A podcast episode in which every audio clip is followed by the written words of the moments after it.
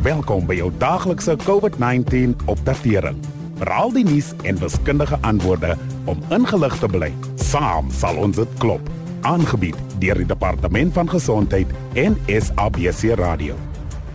Vandag is dit presies 5 maande sedit ons op die 5de Maart ons eerste COVID-19 pasiënt geïdentifiseer het.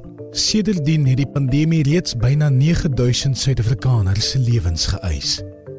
Maar die virus het nie slegs 'n effek op ons nasie se gesondheid gehad nie. Dit het ook miljoene van ons op ekonomiese terrein geaffekteer. Die regering doen alles wat hy kan om die mense wat die swaarste kry te ondersteun en het vir die doel verskeie noodfinansiële ondersteuningsskemas soos die COVID-19 maatskaplike noodverligtingstoelaag in die lewe geroep. Hierdie week het SASSA aangekondig dat ontvangers van die maatskaplike noodverligtingstoelaag die geleentheid gegee word om hulle betalingsopsies te verander. Ontvangers het tot Sondag aand om die veranderinge te maak. Anders sal betaling vir die maande wat oorbly via die poskantoor plaasvind. Die veranderinge kan op die SASSA Social Relief of Distress webwerf gemaak word by die volgende adres: srd.sassa.gov.za. Maar selfs met finansiële hulp bly talle Suid-Afrikaners kwesbaar. En hoewel kinders die minste vatbaar is vir die COVID-19 virus self, word hulle ook op beduidende wyse deur die pandemie ontwrig. Baie van die heel jongste Suid-Afrikaners se gesondheid word kwaai deur die huidige toestand geaffekteer. Borsvoeding bied jong kinders die heel beste moontlike begin in die lewe en is tot voordeel van beide die kind en die moeder. Dit is egter nie altyd maklik nie en baie moeders het ondersteuning nodig. Dit is tans Wêreldborsvoedingsweek en vandag gesels ons met ons gas oor die belangrike rol wat borsvoeding in die gesondheid van ons kinders speel. Na vandag se insetsel sal Zandile Kubeka, assistent-direkteur van die Nasionale Departement van Gesondheid en 'n bekende kundige op die terrein van kindergesondheid, vra oor kindersorg op ons Sikaba COVID-19 Facebook bladsy beantwoord. Daar verskyn ook besonderhede oor hoe om jou SASSA betalingsopsie te wysig. Maar vanaand gesels ons met Anne Bear, adjunkdirekteur van die Kinder, Jeug en Skooldirektoraat verbonde aan die Nasionale Gesondheidsdepartement. En waarom vier ons Wêreldborsvoedingsweek veral nou terwyl ons so met die COVID-19 pandemie sukkel? Ons almal is nou wel daarop ingestel om COVID-19 te voorkom, maar ons moenie vergeet dat dit ewe belangrik is om na ons algemene gesondheid om te sien nie. Wêreldborsvoedingsweek gaan daaroor om ma's aan te moedig om te borsvoed om hulle eie gesondheid maar ook die van hulle babas se te bevorder. En dis nou belangriker as ooit tydens die COVID-19 pandemie. Vertel ons waarom borsvoeding so belangrik is. By geboorte is baba se immuunstelsel nog nie ten volle ontwikkel nie en borsmelk beskerm hulle deur vir hulle al die voeding en teenliggaampies te gee wat hulle nodig het.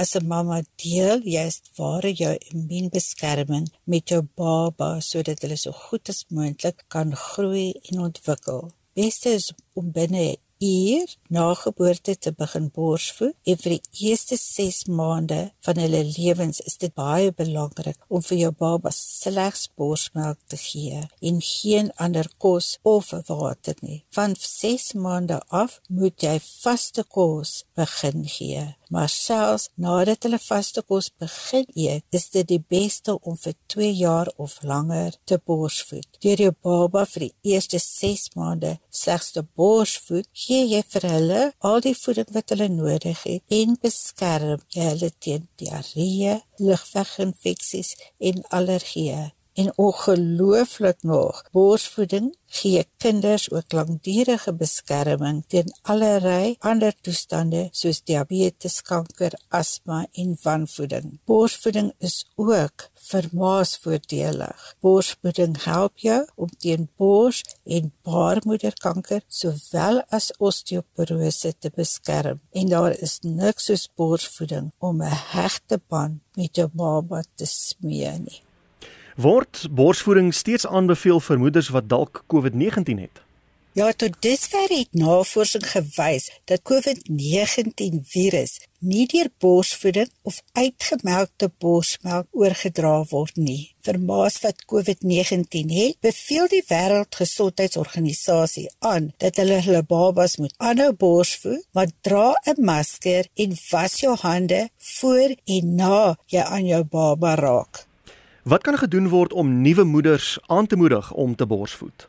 'n Nuwe mamma het al die hulp nodig wat sy van haar lewensmaat en ander familielede en selfs haar gemeenskap kan kry. Moenie as ma probeer om superwoman te wees nie. Vra jou gesin om jou te ondersteun en kry dadelik hulp as jy probleme met borsvoeding het, soos erg pynlike of teere tepels. As jy moet teruggaan werk toe, hou in gedagte dat werkgewers wetlik verplig is om vir borsvoedende moeders minstens 2 pauses van 30 minute elk te gee om te borsvoed of om melk vir haar baba uit te melk. Dit is boonbehalwe hulle normale pouse. Dis ook belangrik om al vroeg vroeg te begin om borsmelk uit te melk sodat jy vertroud raak met die proses en 'n voorraad kan opbou. Gesondheidswerkers moet ook borsvoeding aanmoedig en vir moeders praktiese hulp en inligting gee. Nou soos jy beduie het is eh, om 'n nuwe ma te wees glad nie maklik nie. Waarop anders moet ons let? Wel, dit is 'n groot bron van kommer dat baie babas en kinders gedurende hierdie tyd hulle inentings en groei monitering mis. Baie van die siektes waarteen kinders ingeënt word, soos measles, polio en meningitis, is baie gevaarliker as COVID-19. Wanvoeding by kinders jonger as 5 jaar is ook 'n groot gevaar. Kyk in jou Road to Health boekie wanneer jou kind vir hulle inentings moet gaan en praat met 'n verpleegster oor hoe om inentings in te haal wat hulle gemis het. Hou asseblief aan om jou kinders vir hulle inentings en groeimonitering te neem en moedig ander mammas aan om ook dit te doen. Waar kan ma's en swanger vroue meer inligting kry? Mom Connect en die nuwe Road to Health boekie het albei leservriendelike inligting vir versorgers. Dit sluit wenke in vir die voeding en versorging van pasgebore babas en kinders tot 5 jaar oud. Die side-by-side webwerf en Facebook-blad bevat ook uitstekende inligting vir ouers as ook hulpbronne oor borsvoeding. Jy kan die side-by-side.co.za besoek of soek vir @side-by-side SA om vrae te vra en met die kundiges te praat. En dit was Anne Bear van die Nasionale Gesondheidsdepartement. Dankie dat u geluister het na die daaglikse COVID-19 inligtingstuk aangebied deur die Departement van Gesondheid en SABC Radio in samewerking met die Solidariteitsfonds. Wees veilig, bly gesond. Saam sal ons dit klop. Suid-Afrika.